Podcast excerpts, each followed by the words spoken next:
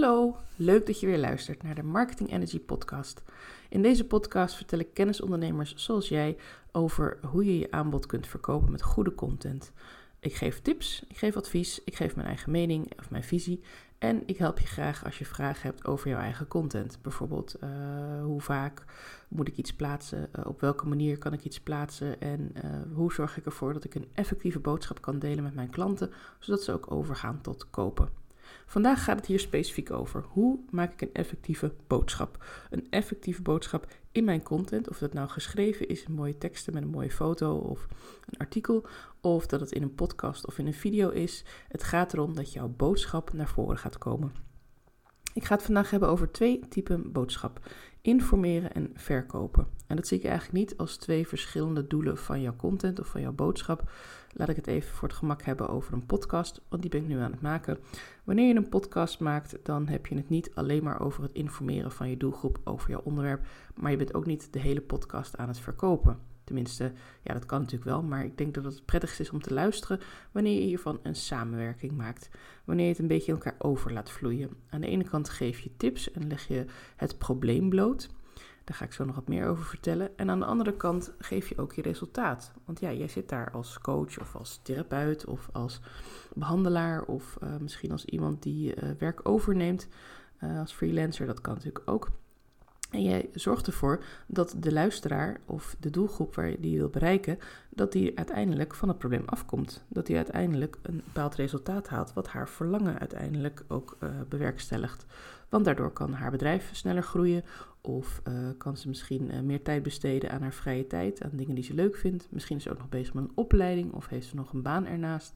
Dus op het moment dat jij haar de resultaten kan laten zien, dan weet zij: hé, hey, dit is mijn probleem, dit is het resultaat dat ik er kan halen. Ik vertrouw deze persoon, ik ga hiermee in zee, want dit is de manier hoe ik mijn uiteindelijke verlangen kan bereiken en hoe ik uiteindelijk kan doen wat ik wil of mijn tijd anders kan indelen of misschien met meer kennis uh, verder door het leven gaan of in, mijn, uh, of in mijn bedrijf verder gaan. Ik zei net al, mensen kopen een resultaat. Dat doen ze natuurlijk vanuit vertrouwen. Dus je moet altijd uitgaan van de no-like-trust fases. Dat wil zeggen dat mensen je leren kennen dat ze daarna ook uh, vertrouwen in je gaan krijgen. Uh, en dat ze je ook echt gaan vertrouwen in de zin van, ja, uh, wie is deze persoon? Dus no like trust. Ik mis nog even de like. Dat is natuurlijk dat ze je aardig gaan vinden of dat ze je woorden uh, gaan herkennen. En dat ze het ook gaan waarderen wat je zegt. en um, ja, en dan komt daarna natuurlijk de buy, want daar gaat het uiteindelijk allemaal om. Maar daar hoeft je content niet op gefocust te zijn. Tenminste, niet overduidelijk. Je hoeft niet letterlijk in je podcast te zeggen: Ik verkoop nu dit prachtige aanbod voor deze en deze prijs. Koop het allemaal. Dat mag altijd. Ik bedoel, als dat voor jou een prettige manier is om te communiceren, doe dat vooral. Ik geloof heel erg in eerlijkheid en in een heldere boodschap. En uh, ja, weet je, hoe duidelijker je maar kan zijn, uh, hoe beter. Maar je kan het ook op een andere manier doen, namelijk door jouw doelgroep, jouw luisteraar, mee te nemen in jouw verhaal. Door haar mee te nemen in het probleem wat je bij haar ziet. Daarvoor doe je doelgroeponderzoek.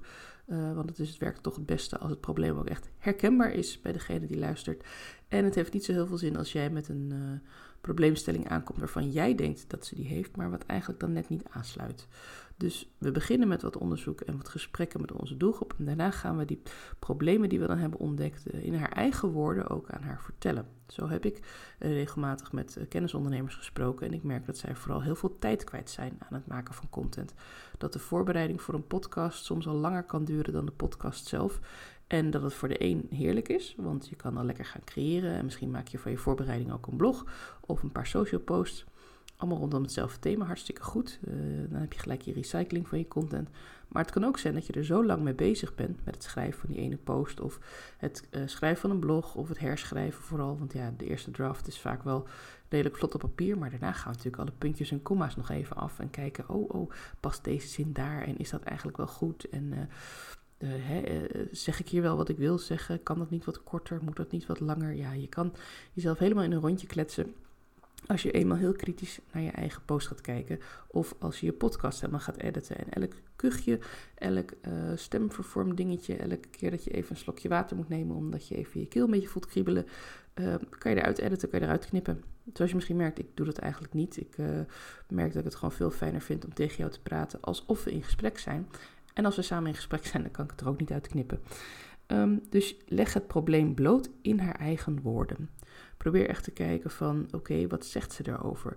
Wat is het gevoel dat ze erbij heeft? En prik ook een beetje door in het probleem. Want het kan best zijn dat iemand zich er misschien niet zo heel gemakkelijk bij voelt om dat te vertellen. Of uh, dat ze het zelf niet direct onder woorden kan brengen. Dat het meer zoiets is van ja, het lukt me niet. Of uh, ik heb er eigenlijk geen tijd voor. Ja, heb je er echt geen tijd voor? Of maak je er eigenlijk geen tijd voor? Omdat je ergens tegenop ziet. Omdat je de techniek lastig vindt van het maken van een podcast. Of omdat je uh, bij het maken van posts denkt van ja, wie zit er nou eigenlijk op mij te wachten? En dat dat eigenlijk al zo'n groot gevoel is voor jou ja, dat je eigenlijk al niet meer begint. En dat als je dan een keer gaat proberen een post te maken, er zit er zoveel negatieve druk op. Ja, dan lijkt het me ook wel heel lastig om daar doorheen te komen. Het uh, doet mij altijd een beetje denken aan de analogie van. Ik heb vroeger als kind een, een verhaal een aantal keer gehoord over de Suikerberg. En het was de berg die um, voor Lekkerland stond. En vergeef me even als het geen Suikerberg was, maar zo ik het onthouden. Was een hele, hele, ik stelde me dat voor als een hele grote, beetje witte, romige kleur berg. En daar moest je dan doorheen eten om in Lekkerland te komen. En zo stel ik me ook voor dat soms de problemen heel groot kunnen worden als je ergens tegenop ziet. Dat er zo'n enorme berg tegenover je zit. En daar moet je dan doorheen eten. En oh jeetje, daar hebben we toch helemaal geen zin in. We hebben toch helemaal geen zin om eerst gigantisch veel te moeten gaan eten om dan ergens te komen. Of in het geval van content maken, om onszelf door allerlei uh, frustraties heen te bikkelen en, en allemaal dingen die we helemaal niet fijn vinden daaraan. En, en, en, twijfels, gevoelens van, oh nee, dit is het gewoon niet en niemand zit op mij te wachten. En allemaal dat aan de kant moeten schuiven en zeggen, ja, er zit wel iemand op mij te wachten. Nou, daar kun je altijd mij voor vragen, want ik zeg dat heel graag tegen je. Ja, er zit echt iemand op jou te wachten. En al die twijfels zijn niet nodig. Begin gewoon. Weet je, dan, dan, dan Lui Lekkerland, dat is dan jouw grootste resultaat, dat is jouw goed lopende bedrijf. Neem eerst eens een klein hapje. Begin gewoon ergens. Misschien is er iemand die ook een hapje wil nemen. Hè? Dat iemand even je komt helpen met een hapje nemen. En misschien dat als je een paar hapjes hebt genomen, dat je erachter komt dat jouw berg eigenlijk hol is van binnen. En dat je een gigantische sprong maakt. Oké, ik begin nu iets te ver te gaan in de analogie van het Lui Lekkerland verhaal. um, maar wat ik gewoon bedoel is dat soms als je ergens begint, dan vallen de problemen ook vrij snel weg. Want dan merk je, hey, er reageren mensen op een post. Hey, uh, er melden ze mensen aan voor mijn workshop. Hey, er luisteren mensen naar mijn podcast. En dan wordt die berg kleiner, ofwel je gang wordt alvast wat langer. Dus je, je stappen naar je uiteindelijke doel, daar kom je veel sneller dichterbij als je gewoon begint. Het voordeel van gewoon beginnen is ook dat je leert. Want je zal fouten maken, je zal onderuit gaan, je zal dingen proberen die niet werken. Ja, en als je dan denkt van, oh nee, oh, dat ging helemaal fout, niemand neemt me ooit nog serieus ja, nee, dan gaat het inderdaad niet lukken. En dat is een beetje hoe ik het probleem probeer bloot te leggen in mijn content. Als je gewoon begint en, en gewoon denkt van ik ga ervoor, dan kom je echt wel heel erg veel dichterbij. Wat heel erg belangrijk is als je die combinatie maakt van informeren en verkopen in jouw uh, content. Laten we nu even switchen naar bijvoorbeeld een Instagram post. Daar uh, kun je heel veel informatie kwijt die langere tijd blijft staan. Want jouw Instagram wall kunnen mensen ook even afscrollen. Dat doe ik zelf ook regelmatig. Als ik iemand zie die mij nieuw gaat volgen, dan kijk ik even, goh, wat heeft diegene de afgelopen tijd gedeeld? Uh, waar gaat het over? Wat zijn haar thema's? Um, waar deelt ze onder andere content over? En dan is het belangrijk om steeds weer te focussen op je resultaat. Dus leg even kort uit wat het probleem dat je wilt oplossen. Maak een situatieschets, maak er een story van of uh, het in bullet points. Het is heel belangrijk dat je het op jouw eigen manier doet. Dat je niet probeert de manier van iemand anders te kopiëren. Want ja, dat doe je ook niet op het moment dat je met iemand in gesprek gaat. Of dat je uh, je therapie start. Of als je video's hebt gemaakt in jouw programma online. Dan zijn het jouw video's in jouw woorden als het goed is. Dus als je dan in je content heel erg gaat spreken als je coach. Of gaat spreken zoals je buurman ja, dan ben je niet dezelfde persoon waarvoor ik mijn geld heb neergeteld om uh, mee aan de slag te gaan. Dus zorg ervoor dat het echt in jouw eigen woorden, je eigen manier komt. Maar gebruik in jouw eigen woorden wel de woorden die jouw ideale klant ook gebruikt. Dus maak het je een beetje eigen. Ga een beetje die taal spreken. Um, en voel ook echt in dat het ook jouw woorden zijn. Want we hebben al eerder gezegd, in een eerdere podcast heb ik het ook toegelicht, dat je eigenlijk wel je eigen ideale klant al bent. Jij bent een paar stappen verder dan jouw ideale klant. Dus het zijn ook uiteindelijk ook jouw woorden. En misschien dat je af en toe een goed voorbeeld kunt maken. Bijvoorbeeld dat je een gesprek parafraseert van iemand met wie je een uh, coachingsgesprek hebt gehad of een kennismaking hebt gehad. Uh, misschien kun je daar wat over vertellen van hé, hey, waar liep ze tegenaan? En, en het hoeft niet eens letterlijk te zijn wat diegene gezegd heeft. Je mag het natuurlijk aanpassen voor jouw content. Want ja, het gaat er niet om dat je, uh, dat je Anke helemaal gaat, gaat quoten. Het gaat erom dat jouw lezer of jouw kijker snapt, ja, deze persoon begrijpt waar ik het over heb en deze persoon kan mij helpen. Focus daarbij heel erg op het resultaat. Wees heel concreet ook in wat het resultaat kan opleveren. Geef ook een tijd aan. Uh, mijn training duurt uh, drie maanden en daarna heb je dit en dit en dit.